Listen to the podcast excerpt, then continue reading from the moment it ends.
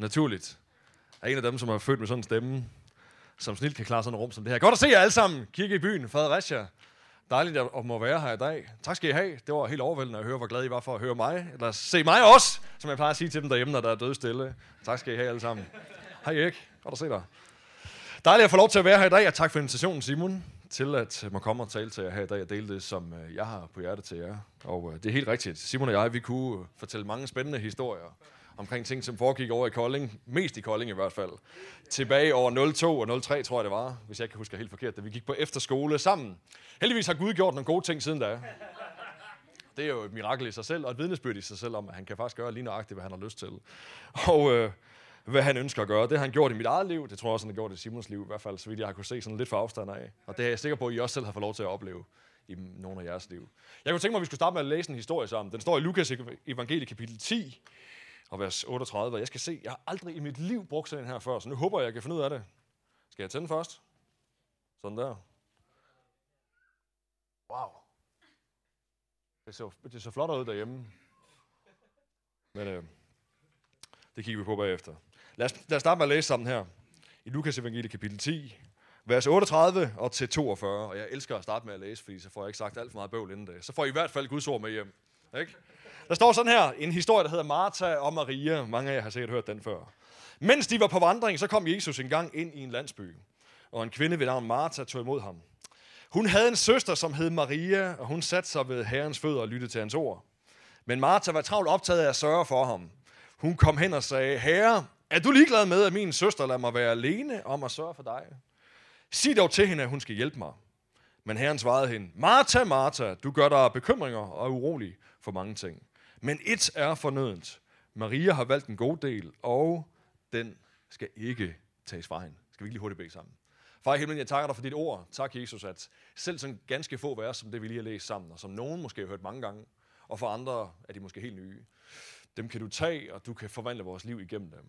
Jeg vil bare takke dig for, Jesus, at du vil hjælpe mig også til at dele det, jeg skal dele nu. Tak, far, at det må være dit ord, som bliver talt igennem mig her i dag, her i Fredericia. Tak, Jesus, at der må være prioriteter, prioriteter og kurs, livskurser, som bliver decideret sådan altered, lavet om her i dag. Det takker dig for i Jesu navn. Tak, at der er kald til stede herinde i det her rum, som vil falde i hak her de næste øjeblikke, som vi taler sammen. Tak, at der er retninger i livet, som du ønsker at sætte i gang her i dag, at det, ønsker, eller det beder dig om, at du vil gøre også, mens jeg taler nu her i Jesu navn. Og hele kirke i byen i Fredericia sagde, Amen. Ja, altså, mit budskab i dag hedder væsentligt eller bare vigtigt. Står det deroppe nu, eller skal jeg stadigvæk lige gøre et eller andet her? Simon, kan du hjælpe mig med den her? Den der. Den er på der. Væsentligt eller bare vigtigt. Jeg garanterer for, at på min computer var det der altså pænere. Men øh, det er, som det er. Jeg tror, I kan være med. For øh, 6-7 år siden, der, øh, nej, 8-9 år siden, der startede jeg en virksomhed. Og øh, det var sådan en webshop. Jeg havde været restløs i et stykke tid og tænkte, at der skulle ske et eller andet. Jeg havde lyst til at prøve at udfordre mig selv og øh, se, om jeg kunne øh, gøre et eller andet. Jeg kommer ikke fra en familie af, hvor man starter firmaer. Det er sådan ikke en del af den slægt, jeg er en del af. Men jeg havde lyst til det, og hørt om andre, der havde gjort det. Jeg tænkte, jeg ved om ikke også godt, jeg kunne gøre det der.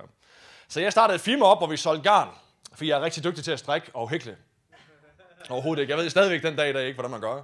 Men jeg startede sådan et firma op. Jeg havde set min kone. Vi fik vores første barn ud af de fire, vi nu har. Og da hun fik det, og samtidig med mange veninderne i vores sådan, omgangskreds også fik det, så begyndte de at hækle og strikke i vildskab. Og da jeg så det, så tænkte jeg, at det der, det må der være penge i. Og øhm, øh, de hænger i hvert fald løs, kan jeg se. De bruger mange penge på de børn. Så jeg tænkte, jeg ved ikke, man kunne sælge noget garn og noget strikkegrej og hobbyartikler osv. til dem. Så jeg startede det her firma op og arbejdede med det i, det ved jeg ikke, 3-4 år. Og det gik faktisk ret godt. Også bedre, end jeg egentlig havde måske næsten troet, det ville gøre. Og øh, så samtidig med det, så gik jeg på universitetet. Jeg var sådan startet firmaet samtidig med, at, at jeg egentlig var startet på en bachelor i erhvervsøkonomi på Aalborg Universitet. Og det, jeg har fundet ud af sidenhen, det er, for mange mennesker, så er sådan en bachelor egentlig rigeligt at have, kan man sige, i sit liv. Og få det gjort, altså du ved, at få læst og få lavet lektier og komme til forelæsninger osv., det, det kan fylde det meste af et liv hos mange unge mennesker. Så det havde jeg så ved siden af det her firma, og mange dage, der ville jeg sidde med min studiegruppe, eller sidde til lidt af en forelæsning, og så hoppe ud på cyklen og ræse ned på mit lager, og fyre x antal varer afsted, og svare på mails, og tage telefonopkald, og tage, tage imod varer, få dem sat på plads, og alle mulige andre ting i sådan 3-4 timer, og så blæse tilbage på studiet igen med sveden havlen ned af panden, og sådan prøve at lande i min studiegruppe, og være en del af det, som foregik der, øh, på, på det studie der. Samtidig med det, så var jeg præstaspirant, eller blev i hvert fald, mens jeg havde det firma, også præstaspirant, op i Aalborg, hvor jeg i dag er præst. Øh, og øh, jeg var allerede engageret i kirken, men blev det så endnu mere i det, jeg var præstaspirant, tog en masse sådan, opgaver og ansvar på mig. Der var også noget, som blev lagt hen til mig. Så der var masser at lave med prædikenforberedelser, med diverse sådan, events, vi skulle afholde, og alle mulige ting, som var en del af det liv, og som mange af jer kender til, er en del af det at være med til at lede en kirke. Vi fik børn. De første, I den samme tid fik vi de to første af vores børn. Olivia, som var den ældste, eller er den ældste. Det bliver hun ligesom ved med at være. Den ældste. Og Ella Sofia, som er den anden ældste, fik vi på det tidspunkt også. Så summer summarum, og Christine gik på, min kone Christine gik på sygeplejestudie, når hun ellers ikke var på barsel.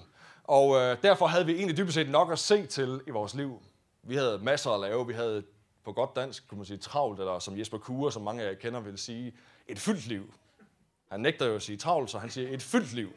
Og så lad os kalde det det i stedet for et fyldt liv. Og på et tidspunkt i efteråret 2018 var det, fik Christine en stresssygemelding. Jeg har spurgt hende, om jeg måtte fortælle hende om det, bare sådan i korte træk, at det må jeg gerne. Uh, hun fik sådan en stresssygemelding lige midt i, at vi havde to små børn, da hun var i gang med studiet, og jeg blæste bare derud med rigtig mange forskellige projekter. Og da hun blev sygemeldt, så gik det op for mig, at vores liv var alt for spændt ud. Alt for fyldt, man kunne næsten sige overfyldt. Der var simpelthen ikke noget elastik tilbage overhovedet i livet. Og det kan jeg mærke meget tydeligt i, at jeg tror ikke, vi var ikke sådan et, eller, og er stadigvæk ikke sådan et øh, gammeldags ægtepar som sådan, hvor det bare er Christine, der skal være hjemme, og så laver jeg alt muligt ude af huset. Men på det tidspunkt i livet var det lidt sådan. Jeg havde så mange ting, jeg lavede, så jeg var ofte ude, og Christine stod så mere for tingene derhjemme, end jeg gjorde. Og i det, hun så blev stresssygemeldt, og bunden bare gik ud, energien var væk, stod op om morgenen og orkede ingenting, sådan havde hun det. Øh, som nogle af jer sikkert har prøvet at være i sådan en situation i jeres liv. Så kunne jeg, kom der jo det mere over til mig at lave. Altså, det er flere ting, som røg over på min tallerken, og ting derhjemme også, som jeg skulle til at være mere involveret i, end jeg havde været i forvejen. Og der kunne jeg bare mærke, at der er ikke et gram mere energi, overskud, elastik, eller kald det hvad du vil, tilbage og lægge ind i mit liv. Jeg har simpelthen ikke mere at give Jeg kan ikke nå mere med de 24 timer i døgnet. Jeg har hver dag. Det fordrer sådan, på, det fordrer sådan et kig på vores liv. De der måneder. Hvad er det egentlig, som er, vi fylder det med? Hvad vil vi gerne have, det skal bestå af? Hvor er vores liv på vej hen, og hvordan vil vi, gerne have, det skal se ud? Hvad er målet egentlig? Og det har jeg hørt fra mange mennesker, når de render ind i sådan en periode, hvor der for eksempel er stress, eller et eller andet udefrakommende, som lige kommer og tager bunden af, eller sådan, hiver bunden ud af livet. At de så oplever, at det fordrer et blik på det liv, man lever. Man begynder at kigge på, hvad er den her situation, jeg sidder i nu, som stinker, og som jeg hader at være i. Hvordan kom jeg herhen, og hvad er det for nogle ting, jeg ikke ønsker skal være en del af mit liv på den anden side, det, på vej ud af det igen. Det var det i hvert fald for os, og jeg kender flere i mit liv lige nu, også i min bekendtskabskreds, som er i sådan en situation, hvor de sidder og kigger på deres liv og tænker, hvad er det, der skal væk? Og hvad er det, som skal blive? Hvad er det, som får os i den retning, vi gerne vil i? Og hvad er det, som ikke gør eller tager os i en anden retning? Og jeg tror, det er meget almindeligt for os sådan i moderne tid i den vestlige verden, som vi lever i, hvor valgmulighederne er flere, end de nogensinde har været før. Der er aldrig nogen, der har levet på den her jord, som skulle forholde sig til så mange valg, som du og jeg har. Det ved ikke, om du er klar over. Så giv dig selv et klap på skulderen, hvis du synes, det er hårdt en gang imellem. Der er aldrig nogen, der har oplevet det. Så det er ret normalt, tænker jeg, at have paletten fyldt med aktiviteter. Ting, man skal. Kalenderen overfyldt for de fleste af os. Sådan så det ikke for ud for 100 år siden. Der gjorde man det, mor og far gjorde, eller som far gjorde, fordi jeg er en dreng, gjorde det, som far gjorde, og så blev man det, og så var man godt tilfreds med det spor, som det lagde for en. Og i dele af verden i dag, jeg var lige i Pakistan i efteråret, så bliver man sådan mindet om, at der faktisk er nogen steder i verden, hvor livet stadigvæk, i hvert fald i nogen grad, er mere simpelt, end faktisk vores egen er. Og det er jo i grunden mærkeligt, fordi vi har alle de her muligheder. Vi har så mange gode ting kørende for os. Og så er det som om, det næsten kun bare gør det mere kompliceret for os, end det kunne være. Så kan man selvfølgelig sige, at med ret også, at de så bare har nogle andre udfordringer i sådan et land som Pakistan, som jeg var i. Og mange muligheder, som vi oplever, er lige med mange valg, og mange valg, det er jo lige med stor chance for, at man kan miste overblik over, hvad det er, som er væsentligt i livet, og hvad som måske bare er, som jeg gerne vil sådan sondre mellem i dag, vigtigt i ens liv. Godt til mig at dele med nogle tanker omkring det. Forskellen på væsentligt og vigtigt. Man kunne definere det, man kunne tale om det på alle mulige forskellige måder, men du ved, de starter med V begge to, så det lyder godt. Hvad er væsentligt, og hvad er vigtigt? Det er noget, jeg har delt med min egen kirke derhjemme, og også har talt del om hen over de sidste par måneder. Fordi det samfund, vi lever i i Danmark, eller hvor du nu er fra, der er der jo, som der altid vil være, sådan holdninger eller sådan historier om, hvad det vigtige og væsentlige i ens liv er. Hvad du bør fylde det med. For mange af os har vi sikkert efterhånden forstået, at hvis ikke du tager en god og længerevarende uddannelse, så kan du ingenting. Det er i hvert fald sådan det, jeg selv synes, jeg er blevet præget af, og har hørt en del af. At det er faktisk den eneste vej, der er til noget som helst, det er ved at tage en længerevarende uddannelse. Det kunne være en af de narrativer, der er. At man skal have sådan en uddannelse, at du bør få dig et hus, og du bør eje det, så du kan få lavet noget friværdi hen over årene, så du har en pensionsopsparing eller noget ved siden af din pensionsopsparing, når du bliver ældre. Du skal have din egen bil. Telefon, underholdning skal man selvfølgelig også have, som fylder vanvittigt meget af vores liv. Jeg, vi købte et hus for et år siden. Det er det tredje hus, vi har købt, eller jeg har prøvet at købe i mit liv. Og hver eneste gang har jeg oplevet, at når jeg kom ind med mit budget, vores regneark, og vi ellers, hver gang jeg har købt et hus, har vi været sådan lige på kanten til, om vi kunne få lov til at låne pengene. Jeg siger noget om, at øh, det der med karriere, der har måske ikke været helt rigtigt. Men øh, vi kom ind og skulle, øh, skulle låne penge, og når man kommer ind til sådan en bankrådgiver, så er det faktisk helt okay for dem, at der står Netflix i dit budget, og telefon hver andet år i dit budget, og alle mulige andre sådan underholdningselementer af livet. Og det siger jo noget om, hvad for nogle ting, vi synes som samfund er vigtige. At det at underholde sig selv med Netflix, eller Disney+, Plus eller HBO, eller hvad du nu øh, har kørende for dig, eller modsat ikke har kørende for dig, at, at købe en ny telefon hver andet år er noget, vi synes er vigtigt, og næsten er en menneskeret. Så meget som, at når du går ind til en bankrådgiver, så kan du faktisk få lov til at putte det i dit budget, inden du skal låne penge. Også selvom du næsten ikke har råd til det. synes jeg bare var spøjst. Og jeg tror faktisk, at vores samfund, der er der nogle ting, vi nogle gange kalder for væsentlige i vores liv, men som ikke er væsentlige. Fordi som jeg gerne vil sondre mellem i dag, så er væsentligt, det er de essentielle ting, de fundamentale ting. De ting, som rent faktisk tager dig derhen i dit liv, hvor du skal hen og gerne vil hen.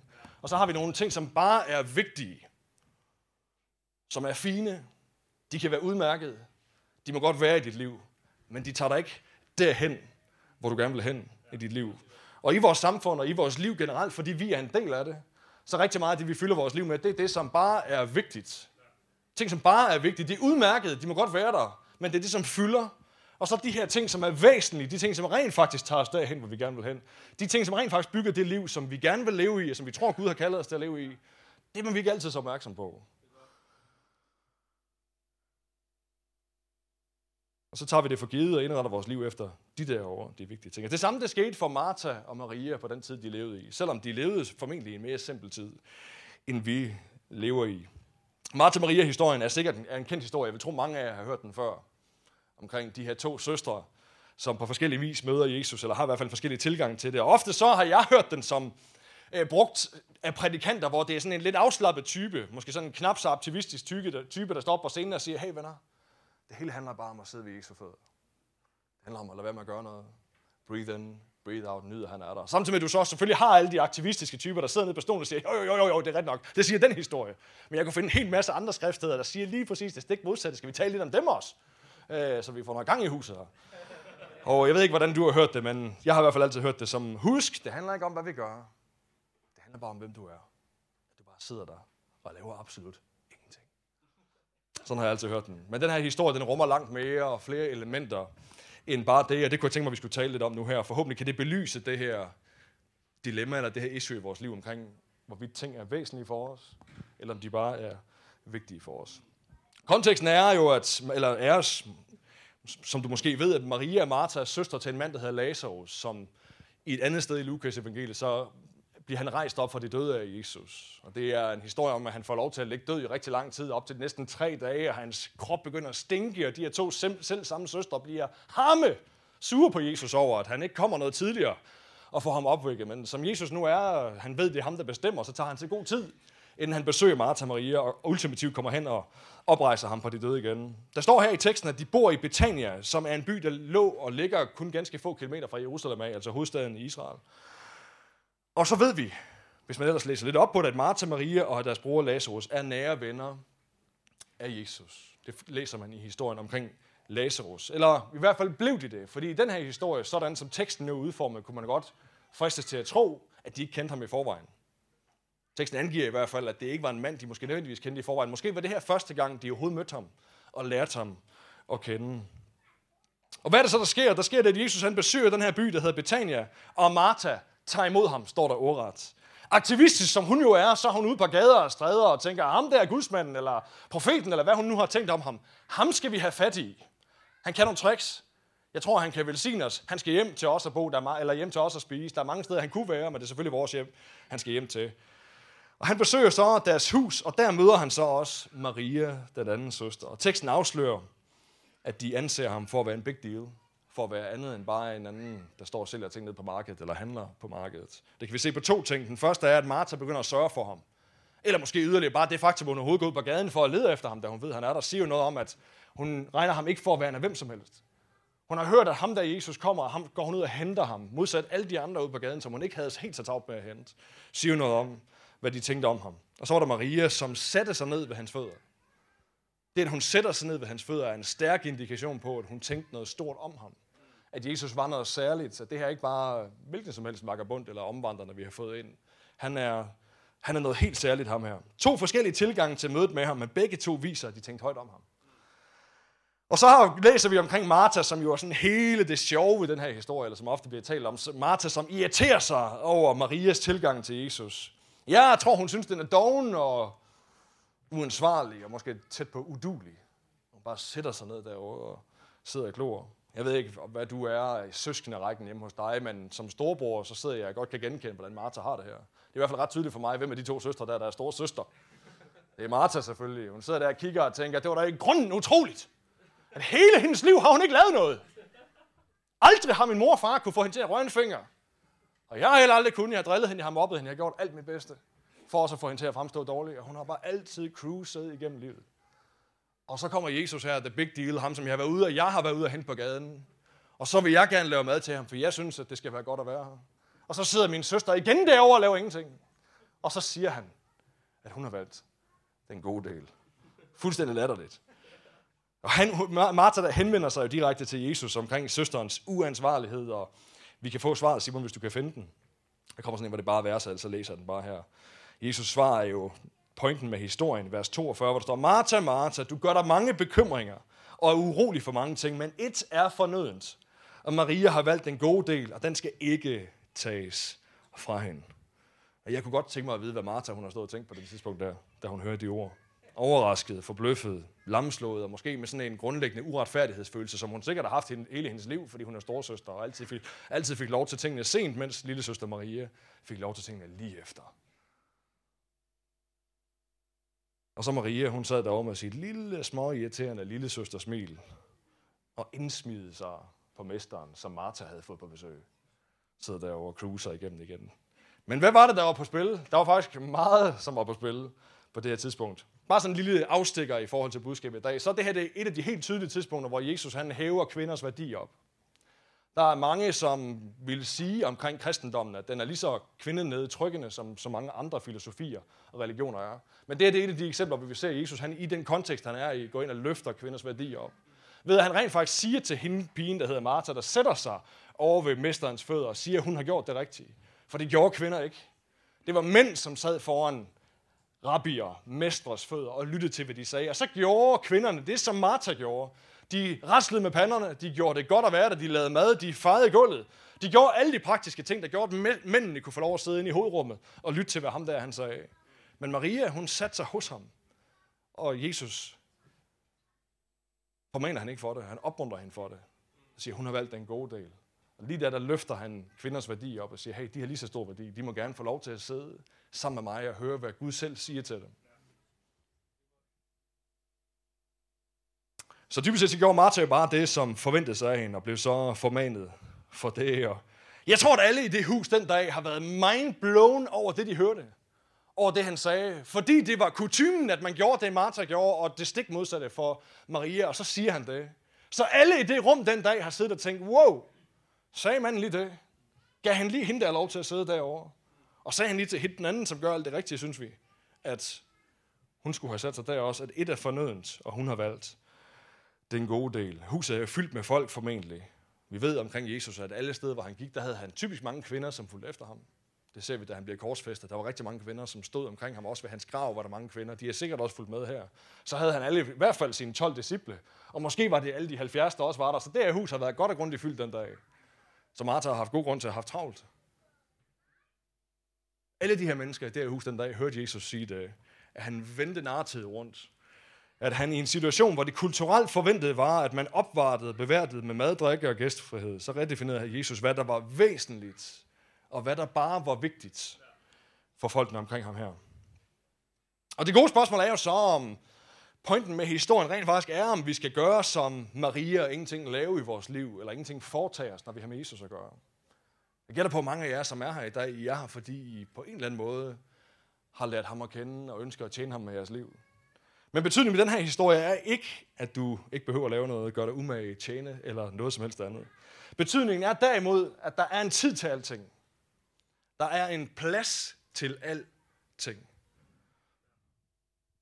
At det ikke er alle livets elementer, som har samme betydning eller som har samme plads i vores liv. Heller ikke når, hvis du spørger Jesus.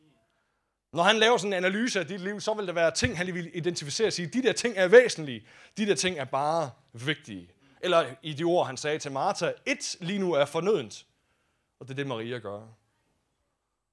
Et er fornødent, og det er det, som Maria gør. Og Martha og Maria, de kendte formentlig ikke Jesus endnu.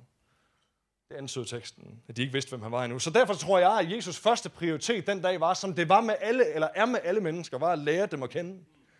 Så I kan godt gøre alt muligt for mig. I kan godt rasle med pander og lave mad. Det ville da være dejligt. Jeg er også sulten. Men det vigtigste lige nu, en ting er fornødende, det er, at du sætter dig ned her, og så lærer mig at kende. Fordi det største og ultimative, væsentlige formål med vores liv, det er at lære ham at kende. At vi kommer i kontakt med ham. Derfor kom han til jorden og gik her i de der 33 år, og lå sig selv dø for at skabe, som Hebræerbrevet siger, en ny og levende vej, sådan at vi kan komme ind til ham. Så vi kan få lov til at lære ham at kende. Som jeg er sikker på, at mange af jer har oplevet. Og derfor så op, ønskede han den her dag, at de sad hos ham, og de lyttede til ham. Hørte, hvad der var på hans hjerte. Lærte, hvem han var. Lærte ham at kende. Fandt ud af, hvordan hans vej i livet ser ud. Fandt ud af, hvad han synes og mener er væsentligt for vores liv. Og spørgsmålet er så, vil Jesus have sagt nej til et godt måltid mad bagefter, når de var færdige med at snakke? Vil han så stadigvæk have sagt til Martha, sæt dig ned, Martha, gør ligesom Maria, bliv siddende. Bare bliv siddende. Du skal ikke lave noget. Det tror jeg ikke, han ville. For Jesus havde ikke noget problem med, eller noget imod, at mennesker de sørgede for ham og tjente ham. Prøv bare at se her, hvad der sker i Matthæus evangeliet kapitel 8. Det er mig, der gør noget.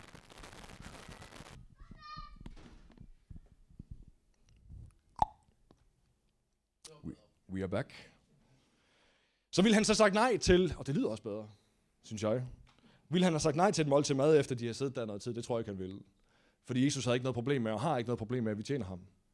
Prøv at læse her i Matteus evangelie kapitel 8, vers 14-16, hvor der står, at Jesus han kom ind i Peters hus og så, at hans svigermor lå med feber.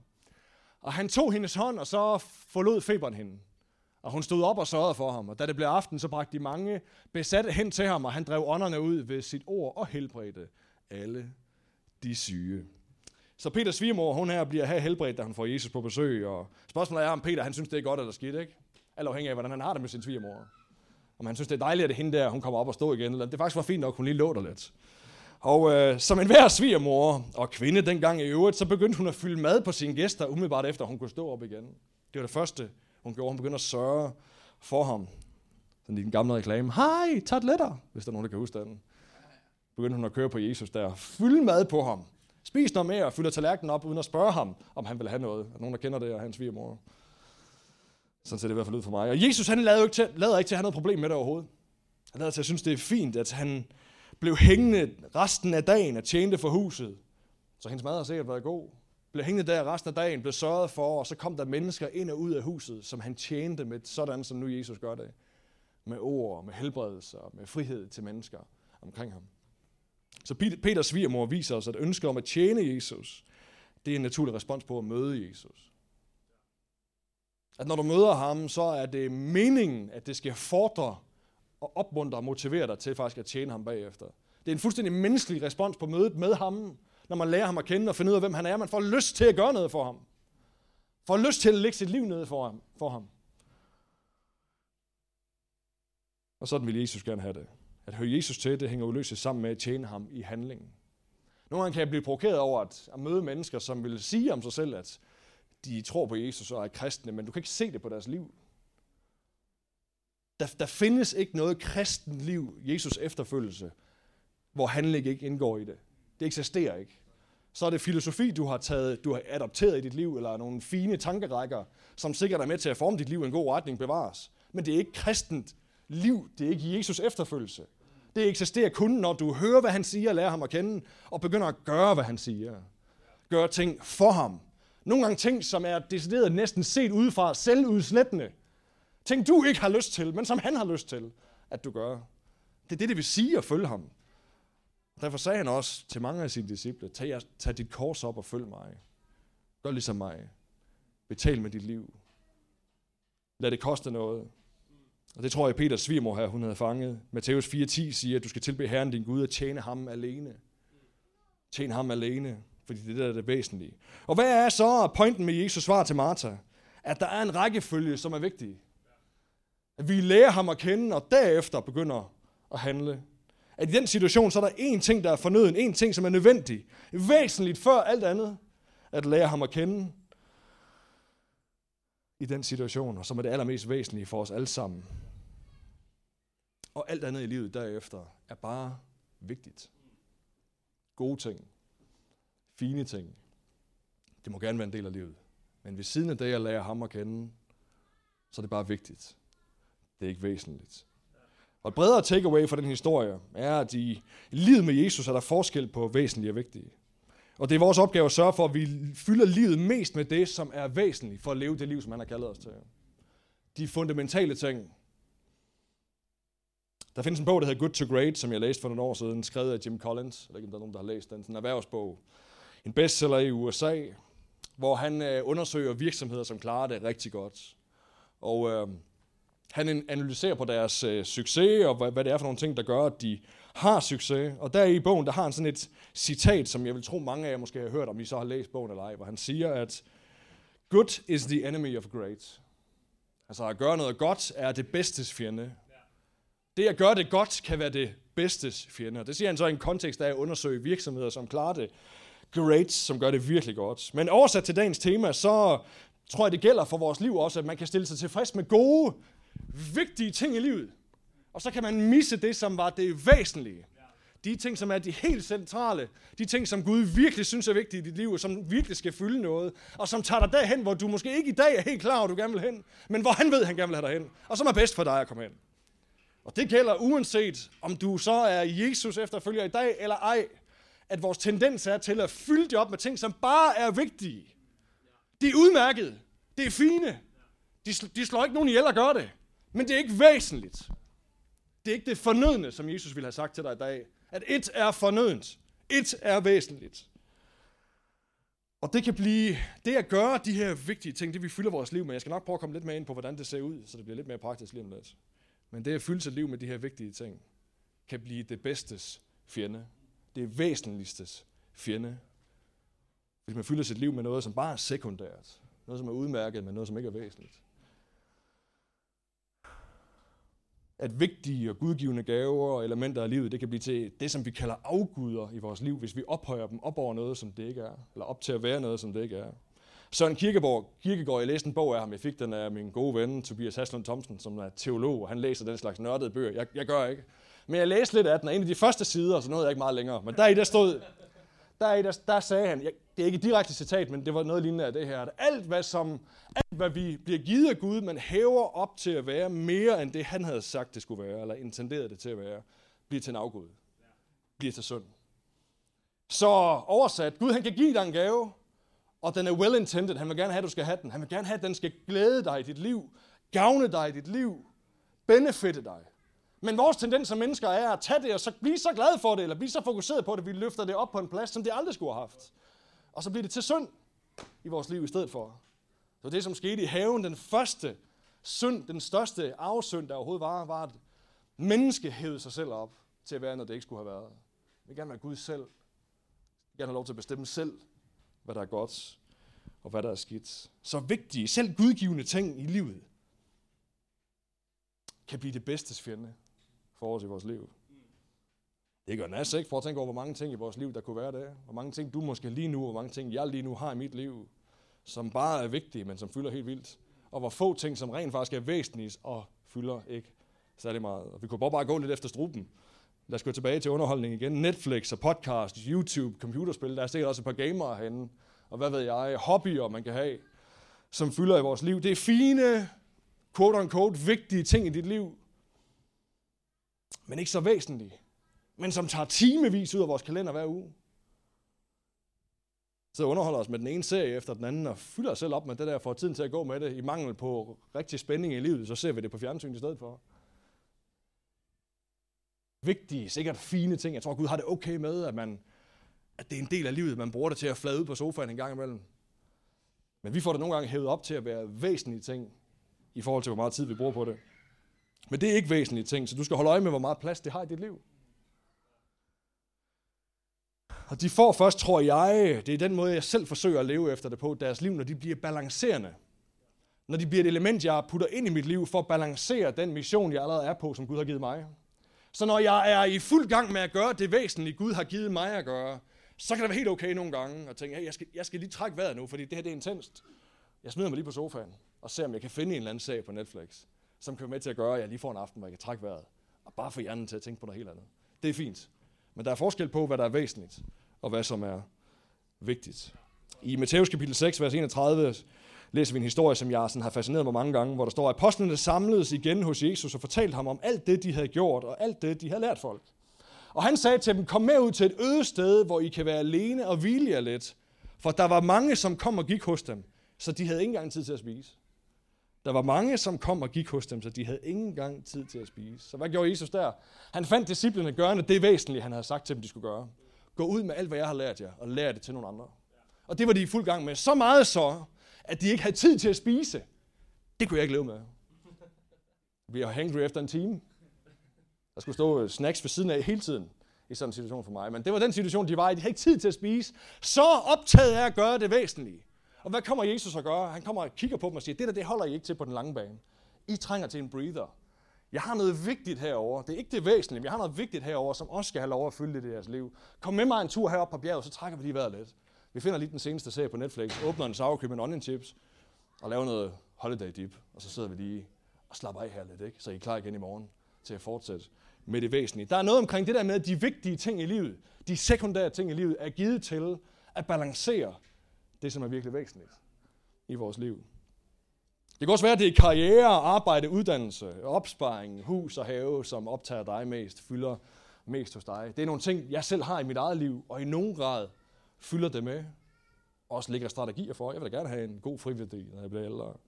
Men, og det kan være gudgivende, men hvis det bliver det, det handler om i dit liv, hvis det, det bliver det, der optager dig, det er det, du hver eneste måned går op i, det er den der friværdi, eller hvad det nu ellers kan være, din have, alle de der ting, så har du hævet det op til på, et, på en plads i dit liv, hvor Gud aldrig havde tænkt, det skulle være. Til noget væsen, der ikke bare er noget, som er vigtigt. Det kan rent faktisk blive til synd, venner, når det tager plads for ham af. Familie, børn og ægtefælde, det er det det samme. Gudgivende gaver, måske de allerbedste, som vi har. Bibelen taler om det flere gange, at den, som får sønner og døtre, får en gave fra Gud af. Den, som finder en hustru, har fået en gave fra Gud af. Den slags sprogbrug er mange steder i Bibelen. Men selv de her vigtige gaver fra Gud af, kan vi nogle gange tage og hæve op på et niveau, så det bliver til noget, det aldrig var meningen, det skulle. Så lige pludselig har du ikke tid til nogensinde at åbne din bibel længere, fordi dine børn de suger energien ud af dig. Jeg kender det. Men så skal man overveje, hvordan man lever sit liv. Fordi det væsentlige er stadigvæk, som Martha fik at vide, at Maria havde fanget. Et af fornøden, sæt dig lige her og lær mig at kende. Også selvom der er alle mulige vigtige ting, der skal laves, der er alle mulige gode ting, der skal gøres. Men det fornødne og det vigtige, det væsentlige er, at du sidder her hos mig og har relationen intakt. Selv vores børn, selv vores ægtefæller, selv vores familier, gode som de er, gudgivende gaver som de er, kan nogle gange være, være med til at tage os væk fra det, som Gud gerne vil med vores liv. Jeg har oplevet her i starten af året, at Gud udfordrer mig i januar måned, mens jeg fastede, på at skulle, skulle ændre på, hvordan jeg arbejder. Jeg er jo præst, det har jeg allerede sagt, og I kender Simon, som også er der. Det er et grænseløst arbejde, man kan blive ved med at arbejde. Der er altid noget at lave, der er altid mere, man kunne gøre, der er flere bønder, man kunne bede, der er flere mennesker, man kunne tale med, der er flere projekter, man kunne sætte i gang, man kunne afholde flere events. Man kan bare blive ved altid. Og det kan nogle gange, i hvert fald i mit liv, eller har det nogle gange betydet, at jeg fik så travlt med at arbejde, at jeg faktisk ikke havde tid til at være nogen, noget for dem, som var omkring mig. Så når jeg så kom hjem til min familie, så havde jeg ikke noget tilbage at give, følte jeg. Når jeg mødte min nabo, der hvor vi havde købt et hus, så havde jeg ikke tid til at være noget for dem. Og en dag så tror jeg bare, at Gud talte til mig. Jeg er overbevist om, at det var ham, der talte til mig og sagde, jeg har kaldet dig også til at være hverdagsmissionær. Der skal være energi tilbage i, i tanken hos dig, til at når du kommer hjem fra det der, du også er kaldet til, ja, så kan der faktisk være noget, så overgår du at tale med mennesker stadigvæk. Eller så misser du noget, som også er væsentligt. Så i min familie hos os, der har vi måttet skrue på, hvordan vi arbejder, hvornår vi arbejder, hvor meget vi arbejder. Fordi jeg er overbevist om, at for os er i hvert fald én ting, som er væsentligt for Guds øjne, for vores liv, er, at vi kan være noget for dem, som bor lige omkring os. Så vi ikke har så travlt med dem, der sidder inde i kirkesalen altid, men rent faktisk også rækker ud til dem, som slet ikke drømmer om at komme i den kirkesal. Kan være noget for dem.